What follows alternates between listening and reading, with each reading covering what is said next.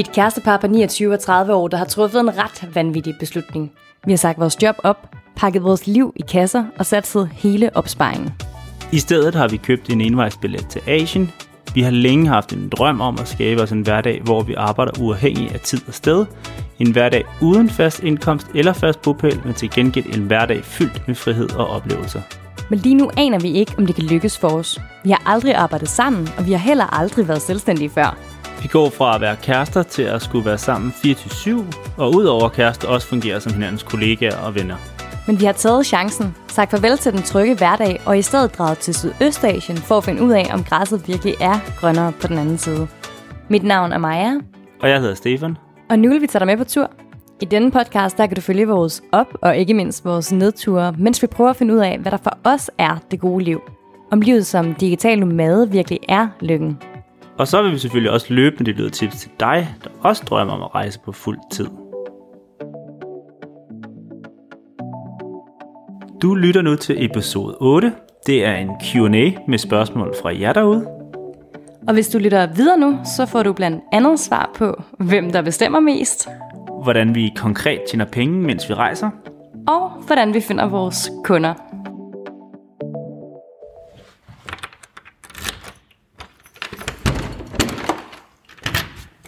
Nej, vores nye hjem. Ja, det er så lækker en lejlighed. Det er da meget mere plads, end vi er vant til. Ej, hvor er det lækkert. Det bliver jo så rart, at vi faktisk kan, kan pakke vores ting ud nu. Vi er, som øh, nogle af jer måske allerede ved, hjemme i Danmark igen på grund af hele coronasituationen. Vi har været så heldige at få en midlertidig lejlighed i april. Og så er vi nok hjemløse igen fra maj, men øh, det er vi vant til, så ja. man, ikke, man ikke det hele løser sig. Nå, nu får I altså den Q&A, som vi i så længe har lovet, hvor vi svarer på mange af de spørgsmål, som vi har fået fra jer lyttere. Men først lige en kort status. Stefan, hvordan føles det at, at pludselig være havnet i Danmark? Altså, for mit vedkommende var jeg lidt rundt på gulvet lige da vi kom hjem. Man skulle lige øh, vende sig til situationen, blev vendt fuldstændig på hovedet øh, på få dage. Ja, vores situation i hvert fald. Men øh, Vel også for alle andre Ja. på en anden måde. Men måske lidt ekstra, fordi vi også befandt os på den anden side af kloden. ja, så det var både jobsituationen for, øh, og boligsituationen og hele. Ja. Efter et par dage, hvor man lige skulle vende sig til, hvad der var sket, så øh, kunne jeg i hvert fald begynde at se fremad, og nu øh, er det bare at, at arbejde i, igen og have, have det godt herhjemme i Danmark, indtil vi kommer afsted igen. Men du var jo også rimelig berørt, som vi har hørt i de tidligere afsnit. Hvordan, øh, hvad siger du til det hele? Ja, jeg vil sige, øh, som I måske ikke hørte, men jeg kan afsløre, så var jeg ikke den eneste, der græd den dag. Stefan han skulle ringe hjem øh, og fortælle sin familie, at vi kom hjem, og han kunne slet ikke... Altså, jeg tror slet ikke, du fik sagt noget det første minut. Du græd bare, så din mor troede, der var sket et eller andet fuldstændig forfærdeligt, fordi du slet ikke kunne sige noget. Ja, mine forældre var lettet, da det var det. ja, så vil jeg egentlig bare fortælle, at vi kom hjem jo. Um, men jo, jeg har det på samme måde som dig. Jeg tog jo til Herning til min familie, du tog til Lyngby til din familie. Det var lidt specielt at være adskilt i 14 dage, mens vi var i karantæne. Det var fordi, vi har været sammen 80 ja, vi har været sammen 24-7 et halvt år. Øh, men på en eller anden måde var det også fint lige at få, få samlet tankerne på en eller anden måde. Men også virkelig, virkelig underligt bare at havne i min mors kælder i Herning. Altså, det var jo ikke engang hjem for mig. Jeg har aldrig selv boet i Herning. De flyttede derind, efter jeg flyttede hjemmefra, så øh, ja, det var bare underligt. Så i starten vidste jeg ikke rigtig, hvad jeg... Altså, det var som om, jeg slet ikke havde lyst til noget de første par dage. Jeg var bare lidt, øh, lidt moody. Havde ikke lyst til øh, at bage boller. Havde ikke lyst til at løbe en tur. Det måtte jeg heller ikke, fordi jeg var i karantæne. øh, jeg havde ikke lyst til at se noget fra Netflix. I virkeligheden ville jeg bare gerne... Ja, det ved jeg ikke. Ikke være der. Bare vente på, at der var gået nogle dage, så jeg kunne, kunne komme om på igen. Men nu synes jeg, øh, at det hele lysner. Vi er kommet ind til København midlertidigt. Og øhm, ja, selvom vi stadigvæk ikke kan lave noget som helst, så synes jeg, at vi er begyndt at se lidt fremad igen. Og har fået lidt, lidt styr på det hele. Ja. Og det er jo dejligt. Det er nemlig godt. Nå, men øh, til det det hele handler om. Vi har fået mange, mange spørgsmål, så vi har delt det lidt op i emner. Og det kan så godt være, at jeg ikke har gjort det helt slavisk alligevel. Men øh, rejseoplevelser, selve livsstilen, hvor man rejser rundt og arbejder undervejs, og forholdet mellem os to, Og så måske til sidst de lavpraktiske spørgsmål, øh, som også er, en, altså omhandler arbejde og økonomi. Det er der virkelig mange, der har spurgt til, altså hvordan vi, vi finder kunder, og hvordan vi får det til at hænge sammen økonomisk. Øhm. Ja, hvad for nogle opgaver vi kan, vi kan tage med ud. Præcis. Nå, men lad os lige starte med oplevelser. Mark han spørger, hvad har jeg været jeres top 3 oplevelser undervejs? Åh oh, nej, det var den, jeg skulle have tænkt over inden, fordi det vidste jeg ikke lige på sunde fod, og det har jeg ikke gjort. Så er det heldigt, det er mig, der spørger dig. jeg har virkelig fået mange fede oplevelser, det må man da sige. Hvis øh, man kan tage en helt land med sådan en oplevelse, hvis i Indien har været måske den vildeste oplevelse, meget intenst, meget spændende, også hårdt og hvorfor siger du hårdt? Fordi folk, der ikke øh, måske har besøgt Indien, de tænker hårdt. Ja, det er... Det var også hårdt, fordi vi skulle arbejde, mens vi var afsted. Men der er, man, der er så mange indtryk af bare en tur på, på gaden, der bliver man træt oven i hovedet. Så når man så bagefter skulle ind og sidde og arbejde, så var det ikke det nemmeste. Og så også når man rejser på budget, som vi gjorde, så må det heller ikke være det rareste. vi boede nogle lidt ja. spooky steder, og Indien er jo bare et, et sindssygt vanvittigt land. Altså jeg har aldrig prøvet at være i et land, hvor jeg sådan, følte mig sådan, at folk virkelig, virkelig, virkelig kiggede på mig. Ja, det var øhm, Og snakkede til os hele tiden. Og man vidste bare, de vil sælge et eller andet, eller snyde os, eller sådan. Og normalt, der vil jeg sige, at vi har øh, ikke sådan fordommen, når vi rejser. Jeg synes, vi har været ret gode til at pakke fordommene væk. Men i Indien var vi simpelthen nødt til at have paraderne lidt oppe, fordi at vi skulle bare hele tiden passe på vores ting. Og ja, men også hele tiden være opmærksom på, at vi ikke blev snydt. Ja, eller nogen gik ja. efter os. Selv ind i en telebutik. Altså, vi skulle ind og købe simkort, der prøvede han at snyde os.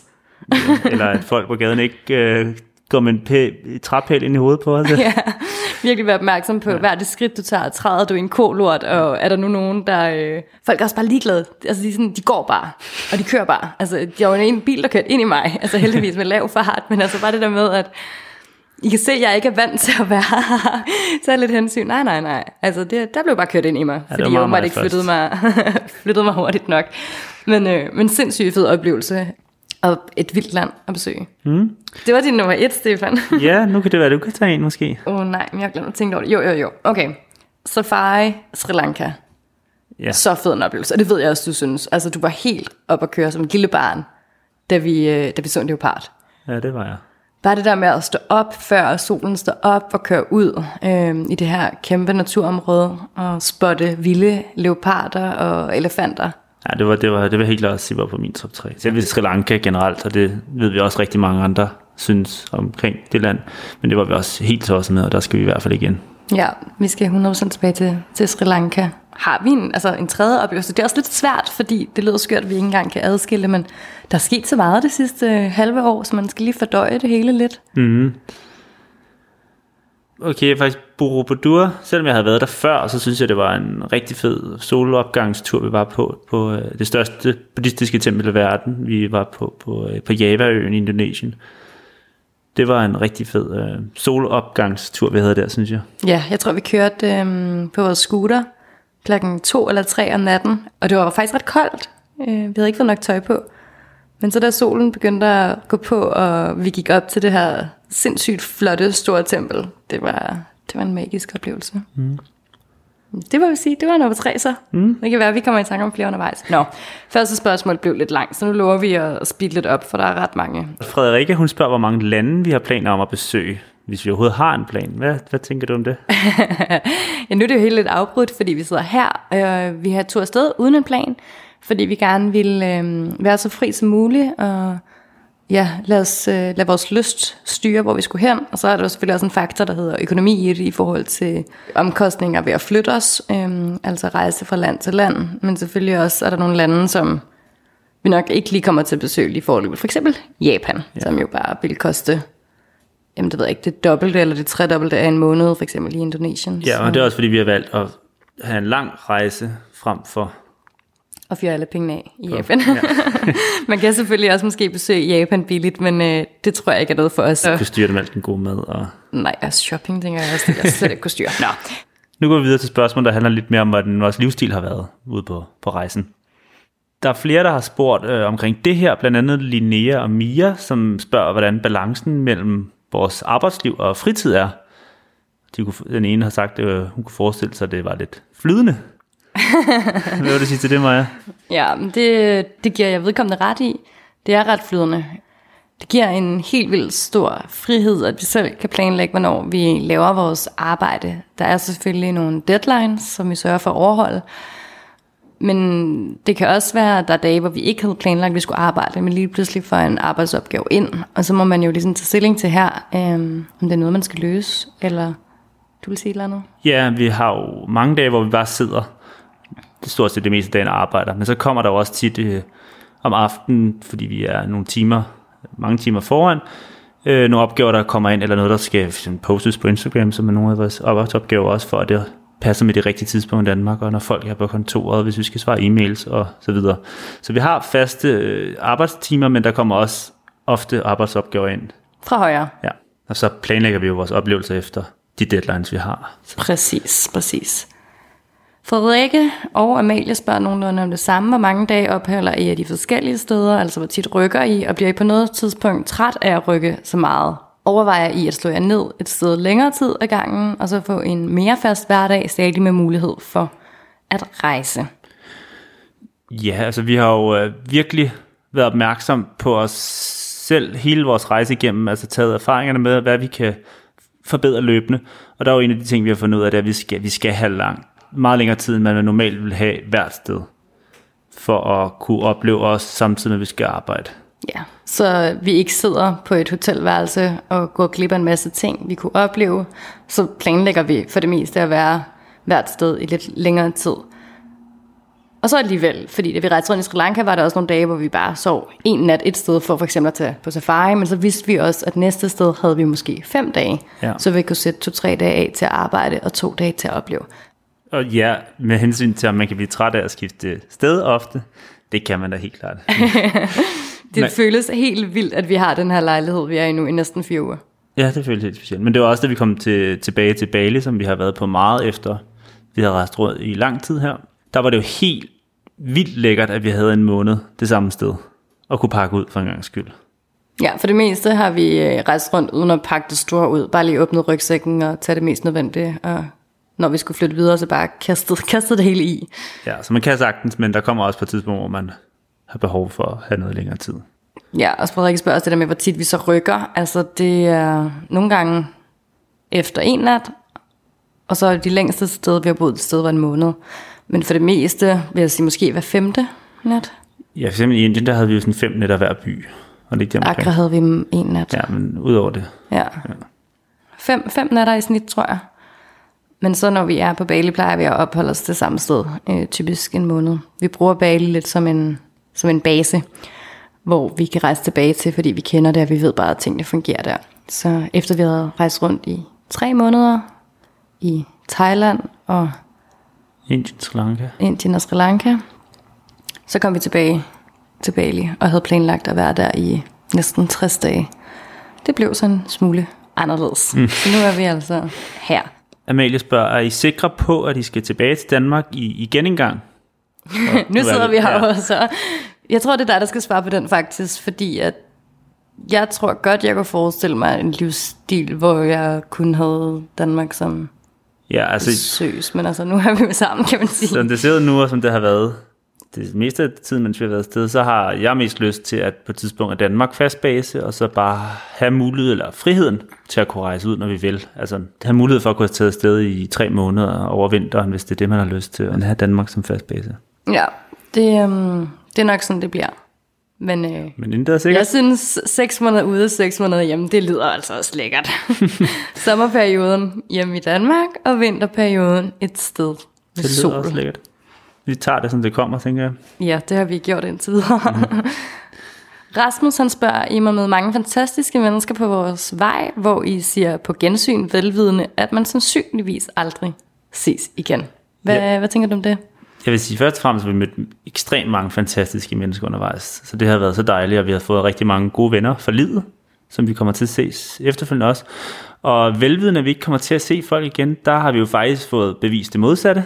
Vi mødte nogle øh, australske piger for nogle år tilbage på Filippinerne på en lille husbåd, som vi så har mødt nu på Bali igen, og haft det rigtig sjovt med, da vi var her i den her omgang. Jeg tror, øh, at vi er begge til overbevist om, at når vi møder nogle nice mennesker, så tror jeg også, at vi regner med, at vi kommer til at møde dem altså ikke alle sammen, men for eksempel de der filipiner, vi mødte på Java, tror jeg da helt klart, vi kommer til at se på den tidspunkt. Ja, de rejser også sindssygt meget, så det er fuldstændig overbevist om, at når vi kommer til Asien igen, så skal vi nok møde Kevin og Christian igen. Ja. To filippinske gutter, som vi egentlig bare mødte på en taxatur. Jeg tror, vi skulle begge to ned fra et bjerg, fra en vulkan, Tog en til, tog, til togstationen. Og det er jo sådan, normalt, der skal man vente på bussen, så skal man vente på, at alle, at, at bussen er fyldt, før den kører. Og vi kunne godt se, at det blev en lille smule pres med vores tog, så det sidste gik vi ud for at finde andre, der måske skulle med en taxa. Rundt i hele byen. Vi var rundt i hele byen, som så ikke var så stor, men ja. du vadede rundt, og jeg stod der med al vores bagage i regnvejret. Og det lykkedes, vi kom, vi kom til at møde Kevin og Christian, og havde en teams taxatur med dem, og de var så søde. Ja. Så Jeg tror nok, vi skal møde dem igen. det tror jeg også. Camilla og Mark, de spørger, om I kunne forestille jer den her livsstil på sigt. Hvorfor, hvorfor ikke? Og så også, hvis man engang skulle prøve at have de der børn, kan de så passes ind i den livsstil? Jeg kan godt forestille mig livsstilen på sigt, men som vi også snakkede om tidligere, måske 6 måneder ude, 6 måneder hjemme, men i hvert fald sørge for at gøre sig uafhængig af tid og sted, så det i princippet kan arbejde hvorfra og hvornår. Øhm, altså, hvorfra man gerne vil, og hvornår man gerne vil. Øhm, så det kunne jeg sagtens forestille mig på sigt de næste mange år. Men ved at rejse rundt med en rygsæk og flytte hver femte dag, det er måske ikke mange, mange år. Nej. Men måske at bosætte sig 6 måneder i Danmark og 6 måneder i Filippinerne, og næste år så 6 måneder i Danmark, 6 måneder i Indonesien. Altså det kunne jeg sagtens se ja. for mig. og i forhold til børn, jamen det er sgu ikke lige noget, jeg tænker på endnu. Altså, jeg skal der børn på et tidspunkt i hvert fald, men, men jeg er ikke nået til planlægning endnu, hvordan det kan lade sig gøre at rejse rundt med dem, men, men det tror jeg da bestemt, det kan, i hvert fald i de tidlige år, så kan det godt være, det bliver mere besværligt, når de skal i skolen, men, men så langt er vi slet ikke nået til i planlægningen endnu. Time will tell. Ja. Undskyld, mor og svigermor, I sidder bare og venter. Det kommer ikke til at ske lige forløbet. Nu er det hele blevet skudt på grund af corona. så nu går der endnu længere tid. Vi bliver sådan nogle gamle forældre. Nå, nå, sådan er det. Lad os hoppe videre til nogle personlige spørgsmål, som vi har fået ind blandt andet om forholdet mellem os to. Øh, og Mads spørger, og Maja spørger om nogenlunde det samme. Hvem bestemmer mest, når I er uenige? Hvem får oftest sin vilje? Det er oftest mig, der har ret, men hvem der bestemmer mest? Jeg ved ikke. Ved du det ikke? Det er jo mig, der gør det. Men jeg vil sige, når... det synes jeg... Ej, er det ikke det? Men jeg vil sige, når du så ytrer, at du er uenig, så får du din vilje. Altså, hvem bestemte, at vi sidder her nu? Det var ikke mig, der købte den flyvelet hjem. Men er du har så ret, det var den rigtige beslutning. Men jeg sagde, hvis du gerne vil hjem, så skulle vi jo hjem. Jeg tror, det er mig, der tager de fleste beslutninger, men jeg tror, hvis du ytrer utilfredshed, så er jeg meget hurtig til at give dig ret, fordi at jeg godt ved, at jeg bestemmer mest. Så hvis jeg er lidt ligeglad, så lader jeg bare dig at få din vilje. Ja, lidt. Hvad tænker du? Det kan godt være. Se, Jeg nu synes, lader du mig få ret igen. Nej, men jeg, synes, vi er meget gode til at, at, vi, at, at ytre, når vi har været utilfredse med noget på den her tur. I dagligdagen, der kan det godt være, at du får, får bestemmer mest. Fordi jeg nok øh, er flere ting, hvor jeg ikke overgår at tage diskussionen, eller bare lad det være sådan der. Men når der er noget, jeg virkelig gerne vil, så... Øh, Så skal Så du jeg nok på. for det igennem. wow. Du er fucking stadig. Ja, det er nok det, der er konklusionen. Så er der Jeppe, der spørger, hvordan uh, I balancerer at være sammen 24-7, altså mellem arbejde, fritid og, og partid. Ja, det er et rigtig godt spørgsmål, Jeppe. Jeg synes faktisk, at det er gået over al forventning. Jeg havde forventet, at vi ville skændes og diskutere i meget højere grad, end vi har gjort. Vi har diskuteret mere, end vi gør herhjemme. Men i det store hele, så, øh, så synes jeg faktisk, det er gået rigtig, rigtig godt. Men vi har også fundet råden til de største skænderier. Råden til de største skænderier, mener du mad? Er jeg noget af sultne? Ja, vi er begge to sindssygt irritable, når vi er sultne. Ja. Så vi prøver at holde os fra at diskutere ting, når vi er sultne, for så ender det fuldstændig galt, altså ja. Men vi har også været meget opmærksomme på hele tiden at snakke omkring tingene, hvordan det går, og, og prøve at få optimeret på det, for at vi, vi godt kunne tænke os, det lykkes. Jeg tror, det er en af de gange i mit liv, jeg har været mest opmærksom på alt, hvad man har gjort. Ja, forstår mig ret. Men hele tiden var opmærksom på, hvad man kan optimere på. Ja, prøve at indføre øh, nogle huskeregler. For eksempel, på et tidspunkt har vi været så meget sammen, at vi, ingen, altså vi boede jo virkelig, virkelig tæt derude. Øh, lukkede ikke døren til badeværelset, til toilettet, også selvom man er med skulle skide. Altså, og nu kan, kan, så kan den ene finde på at råbe ud på badeværelset til den anden, inden fra sengen eller ude fra terrassen, om et eller andet spørgsmål. så vi er simpelthen nødt til at lave en regel, der hedder, at vi taler ikke til hinanden, Ja. når vi er på toilettet. Det er det, det, er det helle, man har. Og det er sygt ja. Nok, at vi overhovedet skal derud, for der kommer sådan en regel, men det er som om det hele bare fået sammen til sidst, øh, så vi slet ikke tænkte over det. Ja. Ja, det, det var ikke så godt. Men man skal også, altså jeg synes det er helt klart, men man skal også være opmærksom på det, og lige tage sig sin partid en gang imellem, fordi når vi også er sammen 4-7, så øh, gør det jo også, at man er mere tilbøjelig til at sidde på telefonen, når vi er ude og spise en middag, fordi det ikke er vores special night of the week, hvor vi ud. Du har helt ret. Men det hænger faktisk lidt ja. der med næste spørgsmål. Er det nemt eller svært at bevare intimiteten i forholdet, når man på den ene side er på ferie, eksotiske steder, og samtidig er kollegaer på arbejde, og skal det hele til at hænge sammen? Og der vil jeg sige, jeg vil ønske, at jeg bare kunne sige, I knaller som kaniner, når I kommer derud. Men det er løgn. Ja. Det er præcis det samme, fordi man rykker arbejdet med, og rykker, rykker hverdagen med, i hvert fald hvis man har arbejdet undervejs. Jeg kan forestille mig, at det er noget andet, hvis man ikke arbejdede undervejs. Det ved jeg ikke. Ja, men det er også fordi, vi når vi har siddet og arbejdet sammen hele dag, så skal man jo også lige huske, når vi er jo også kærester. Altså, altså, det er jo også nogle ting, vi kan optimere på, at vi er der blevet bedre løbende, men også at adskille lidt, så man også har sin, uh, sin par tid sammen, uden man skal sidde og snakke arbejde.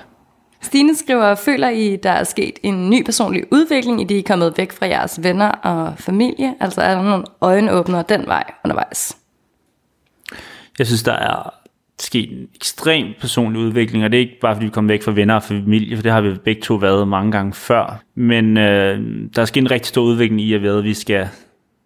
Ja, vi har hele tiden været så meget meget opmærksom på, hvordan vi får det bedste ud af det her, men også, vi skal skabe forretning, samtidig med, at vi oplever, samtidig med, at vi er kollegaer. Så der er så mange ting, vi har skulle udvikle sammen, tænker jeg. Jamen helt sikkert, øhm, men også i forhold til, ikke nødvendigvis at komme væk fra venner og familie, men i hvert fald møde nogle andre mennesker på vores vej. Det kan godt inspirere en til, at man tror, at alt er opnåeligt. Øhm, Ja, fordi vi har mødt en del, der har, der har også taget sådan en spring på samme måde, som vi har, og, og der er alle bare sådan, ja, du kan, lige meget hvad, så kan man sgu gøre det, man, man tror på. så det har været ret fedt at opleve. Ja. Og så er der Rune, der spørger, hvad der har overrasket os, og som vi troede ville have været anderledes. Det tror jeg, har nævnt før, men det der med tiden. Jeg havde forestillet mig, at jeg bare fik så meget tid, så jeg skulle bare træne og løbe og blive god form, og jeg skulle læse, og jeg ved ikke, hvad jeg ikke skulle. Men det var der ikke. Som om, der bare kommer nogle andre tidsrøver. Ej, jeg synes, vi har, vi har brugt helt vildt meget tid på at gøre, hvad vi har lyst til. Men i stedet for måske at løbe så meget, så har man måske valgt at sove 20 minutter længere, eller tage ud og surfe, eller jeg ved det ikke rigtigt. Der er bare kommet, kommet nye ting, og der er selvfølgelig også kommet nye ting, man skulle, altså praktiske, nye praktiske opgaver. I stedet for, at man skulle gå ned og vaske i vaskerummet, så skulle man køre ned til vaskeriet og få det vasket. Og også bare det der med, at man ikke har noget mad i sit køleskab. Man skal hele tiden ud og finde mad. Det er i hvert fald noget, der tager lang tid. Ja, så, men også, når vi ikke har arbejdet, så har vi oplevet øh, for det meste. Og så har vi hele tiden skulle planlægge, altså vi har hele tiden måske max har planlagt et par dage frem, så vi skal hele tiden tænke, okay, hvor skal vi bo næste gang? Hvor skal vi rejse hen næste gang? Ja, har vi husket at købe flybilletter ud af landet? Ja, visum, bum, bum. Så der er hele tiden et eller andet at tænke på.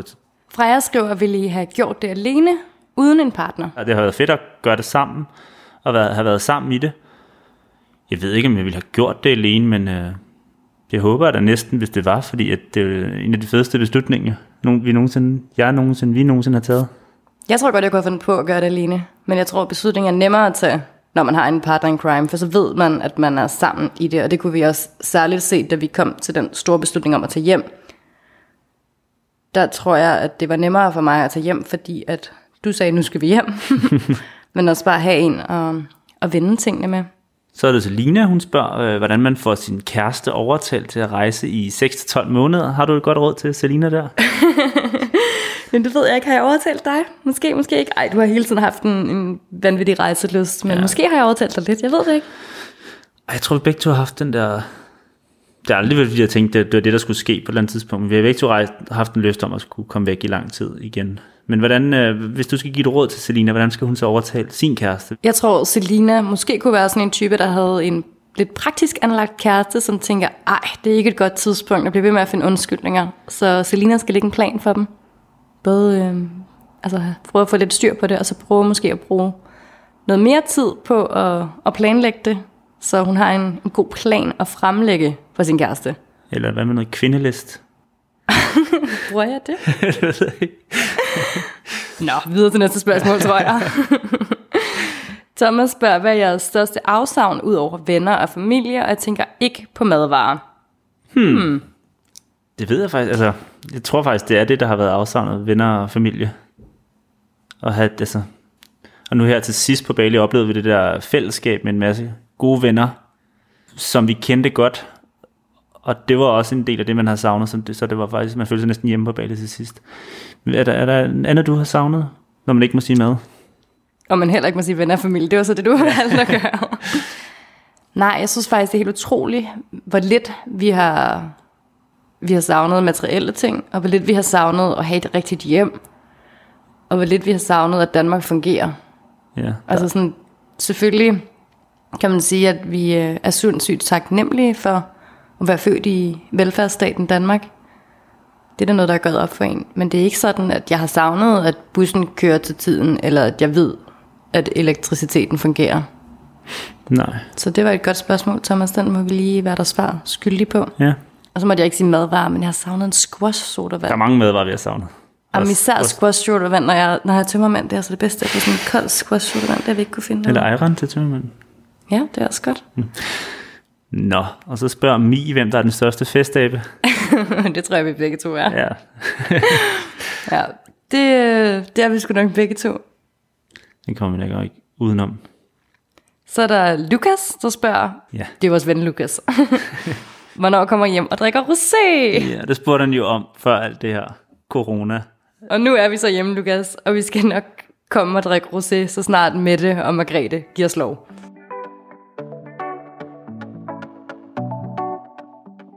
Der er sindssygt mange, der har haft nogle lavpraktiske spørgsmål til arbejde og økonomi blandt andet. Ja, både Jens Jakob, Sine, Johanne og Anne har spurgt, hvad det er for en type arbejdsopgaver, vi har med på farten. Øhm, og det er en lang række lidt forskellige arbejdsopgaver, men alle inden for digital marketing og her primært sociale medier. Det er noget, vi begge to Ornov har arbejdet med de sidste mange år, så det lå os naturligt at tage fat der. Og det kan være på konsulentbasis, eller det kan være håndtering, hvor vi lægger en strategi og eksekverer den, og sørger for, at kundernes indhold bliver spredt bedst muligt og set af flest muligt på for eksempel Instagram og Facebook men også ret meget indholdsproduktion i form af billeder og video og tekst til blandt andet nyhedsbreve og sociale medier. Det kan fx være blogindlæg eller artikler for kommersielle virksomheder. Blandt andet har jeg skrevet artikler til shoppingcentret Fields nyhedsbrev, og vi har leveret billeder til et sportstøjsmærke og et smykkemærke, og video til et rejsebureau. Ja, så det er lidt en, en blandet landhandel. Anne-Katrine Jens spørger, hvordan prioriterer I at arbejde i en hverdag uden struktur? Og det har vi jo været lidt inde på, men jeg ved ikke, om du har noget at tilføje? Nej, ikke andet end, at øh, jeg har fundet ud af, at jeg havde brug for lidt struktur i alt det her. Jeg er ikke så god til bare at sidde på bagsædet af en taxa og, og arbejde, så jeg har brug for at sidde koncentreret. Og så har jeg også fundet ud af, at jeg havde brug for en gammeldags papirskalender, hvor jeg kan skrive op hver dag, hvad man skal nå at have lavet den dag. Så du har i hvert fald forsøgt at skabe lidt struktur i en hverdag uden struktur. Yes. Og så har vi øh, Helena, Louise, Mathilde og Christina, som alle spørger ind til, hvordan vi finder kunderne, og om vi bruger nogle specielle platforme, som f.eks. Worksom eller People per Hour.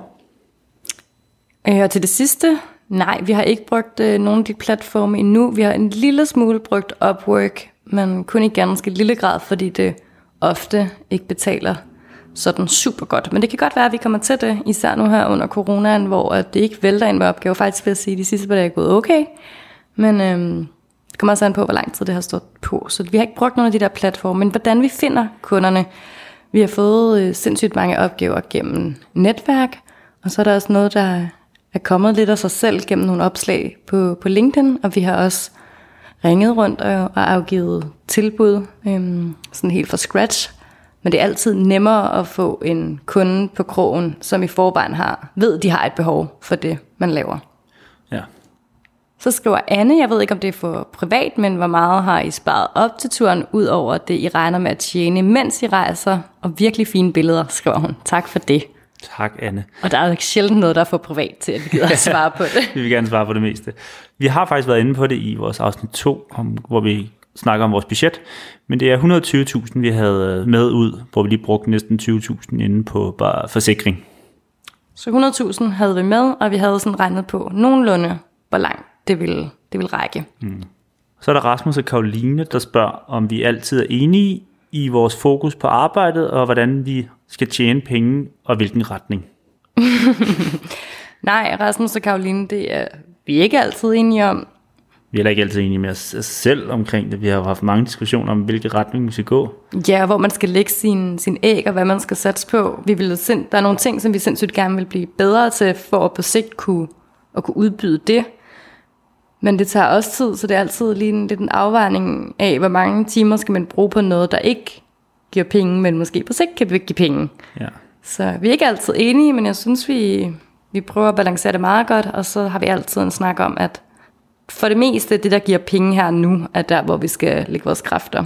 Og når vi så ikke har arbejde, der giver penge her nu, kan vi bruge tid på noget, der på sigt kan afføde noget. Og så alligevel, for vi bruger også tid på podcasten. Ja. Og det er jo bare sjovt at lave.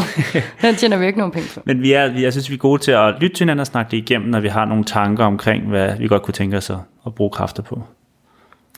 Så er der også to spørgsmål, som er næsten ens her, fra Nicoline og Julie. God råd, hvis man gerne vil leve som jer. Hvordan kommer man i gang? Og hvor mange aftaler havde I landet med potentielle kunder, inden I tog afsted? Mit bedste råd vil helt klart være at have en opsparing, inden man tager afsted medmindre man har en, øh, en god kundebase i, i forvejen, som kan gøre, at man har råd til at leve derude. Og så spørger hun også, hvor mange aftaler øh, vi havde landet med potentielle kunder, inden vi tog afsted. Øhm, og der havde vi landet tre, men det var tre mindre, så altså slet ikke nok til at leve for det. Og ja, det er et godt råd, det der med at have en opsparing, fordi at så får du ro i maven og sætte dig ned og lægge et budget og finde ud af, hvor billigt kan du leve derude, og hvor billigt vil du leve derude. For vi kunne også godt leve billigere, men vi ville jo også gerne have råd til indimellem at kunne gå ned øh, på en af de dyre restauranter og have en middag med vores venner og købe en flaske vin. Ja, for en massage. altså. Ja, så gør op med dig selv, hvor, hvor, hvor billigt du kan leve derude, hvor billigt du vil leve derude, og så prøv at regne ud. Altså sæt dig ned med en lommeregner og find ud af, hvis du har 100.000, hvor, lang, hvor mange måneder kan du så leve for det, hvis du ikke tjener en krone. Ja, ud fra det, du gerne vil. Og så også, at vi tog til Bali den første måned, fordi vi kendte Bali, og det var også en rigtig god beslutning, synes jeg i hvert fald, fordi vi der havde mulighed for at komme ordentligt i gang med arbejdet, uden vi havde behov for at skulle ud og opleve det ene eller andet, eller rejse rundt for den sags skyld, som man også bliver ud med dag. Ja, så enten start med at have penge til at rejse rundt og lige få det værste løbet af, hvis man kan sige det sådan, og ellers sæt hen og starte et sted, hvor du kender, hvor du føler dig tryg, hvor du ikke føler, at du går glip af noget hver evig eneste dag, ved at, ved at starte ud og lige falde til derude. Nå, Anne-Katrine og Jens, hvordan holder I så stramt et budget? Og Karoline og Rasmus spørger om noget lignende. Hvordan prioriterer I det lave budget og en forhåbning om at kunne blive i udlandet længe frem for dyre rejseoplevelser? vi vil jo bare så gerne det her, så jeg synes ikke, det på noget tidspunkt har været en øveoplevelse at skulle spare. Vi har bare hele tiden været opmærksomme, hvad vi bruger vores penge på. Ja, det er ikke sådan, jeg føler, at vi har... Der er ting, vi ikke har gjort, fordi vi ikke har haft råd. Men hvordan vi holder det rent lavpraktisk, så bruger vi jo øh, den app, som vi tidligere har talt om, som Stefan skriver alle udgifterne op i, og det er egentlig bare, så vi har en idé om, om vi er gået over budget, eller vi har lidt ekstra at gøre med. Så det er jo bare virkelig smart. Hvad hedder den, Stefan? Ja, den hedder Daily Budget. Og der kommer alle udgifter altså ind i. Ja. Hver en krone. og så fandt vi jo også ud af, at vores øh, oplevelsesbudget skulle forhøjes lidt løbende jo. Fordi at vi selvfølgelig ikke skulle gå ned på oplevelser. Præcis. Og hvis I gerne vil have tilsendt vores budget, så kan I bare skrive til os, så kan vi, øh, vi sende det, så I kan se nogenlunde, hvad vi bruger pengene på, og hvor mange penge vi bruger på mad, hvor mange penge vi bruger på leje og scooter, og hvor mange penge vi bruger på alt muligt andet. Så send os en besked, hvis I vil have det tilsendt. Det kan I enten gøre på Facebook eller Instagram. Frederik han skriver, har I tænkt over, hvilke former for passiv indkomst, der kan supplere det, I tjener? Tak for det, Frederik. Nej, det, det har vi ikke, men det kan da godt være, at vi skulle gøre det. Det er en god idé. Det er ikke sådan, at vi har en kæmpe sum penge, vi kan kaste i aktier, men det kan være, der er andre ting, vi kan gøre. Måske kan vi skrive en bog. Hvad ved jeg? Hvis der er nogen, der har nogle gode råd derude, må jeg også gerne sende dem vores vej. Ja, hvis der er nogen, der har gode idéer. Eller jeg tænker næsten, Frederik han må have tænkt et eller andet, da han har skrevet det her. Så Frederik, kan du ikke lige smide os en besked, så kan vi dele det med resten i en anden podcast. Så er der lige et sidste spørgsmål, som jeg nok tror, der er lidt ironisk, men lad os lige tage den alligevel. Det er Josefine, der spørger, vigtigt spørgsmål. Jeg har længe tænkt over, når rejseinfluencerpar lægger billeder op, hvem fine tager alle de par billeder. Og Henriette, hvem tager alle de flotte fancy billeder af jer? ja, og vi er jo nok ikke rejseinfluencerpar, men vi tager der mange billeder. Det gør vi. Og det er ofte vores stativ, der tager dem. Ja, jeg vil sige, så mange billeder tager vi nok ikke sammen, men når vi gør, så plejer vi at stille vores, vores lille stativ op. Ja. Så det er vores, vores lille ven. Yes, det var sidste spørgsmål, og det blev lidt langt måske. Hvis I ikke fik svar på jeres spørgsmål her, eller bare vil have uddybet noget, eller som sagt have tilsendt vores budget, så kan I skrive til os, og så skal vi nok forsøge at svare. I kan eventuelt skrive på Facebook eller på Instagram. Jeg hedder Maja Grønholdt, men med O og ikke med Ø på Instagram. Og jeg hedder Landgreve, Landgreve i et ord. Tak fordi du lyttede til Det Gode Liv af livet som digital nomad Lykken. Hvis du kunne lide, hvad du lige har hørt, så må du meget gerne anbefale vores podcast til familie og venner. Det bliver vi altid så glade for. Vi satser på at holde podcasten i live herhjemme i Danmark, og i næste afsnit der skal I møde Mille. Hun har levet som digital nomade i mange år sammen med sin mand Christian og deres to børn. Hun vil gøre op med tanken om, at freelancer ikke kan tjene gode penge, og så afslører hun også, hvor meget de selv tjener. Og så kommer hun selvfølgelig også med en masse gode råd til dig, der ønsker at afprøve den her livsstil.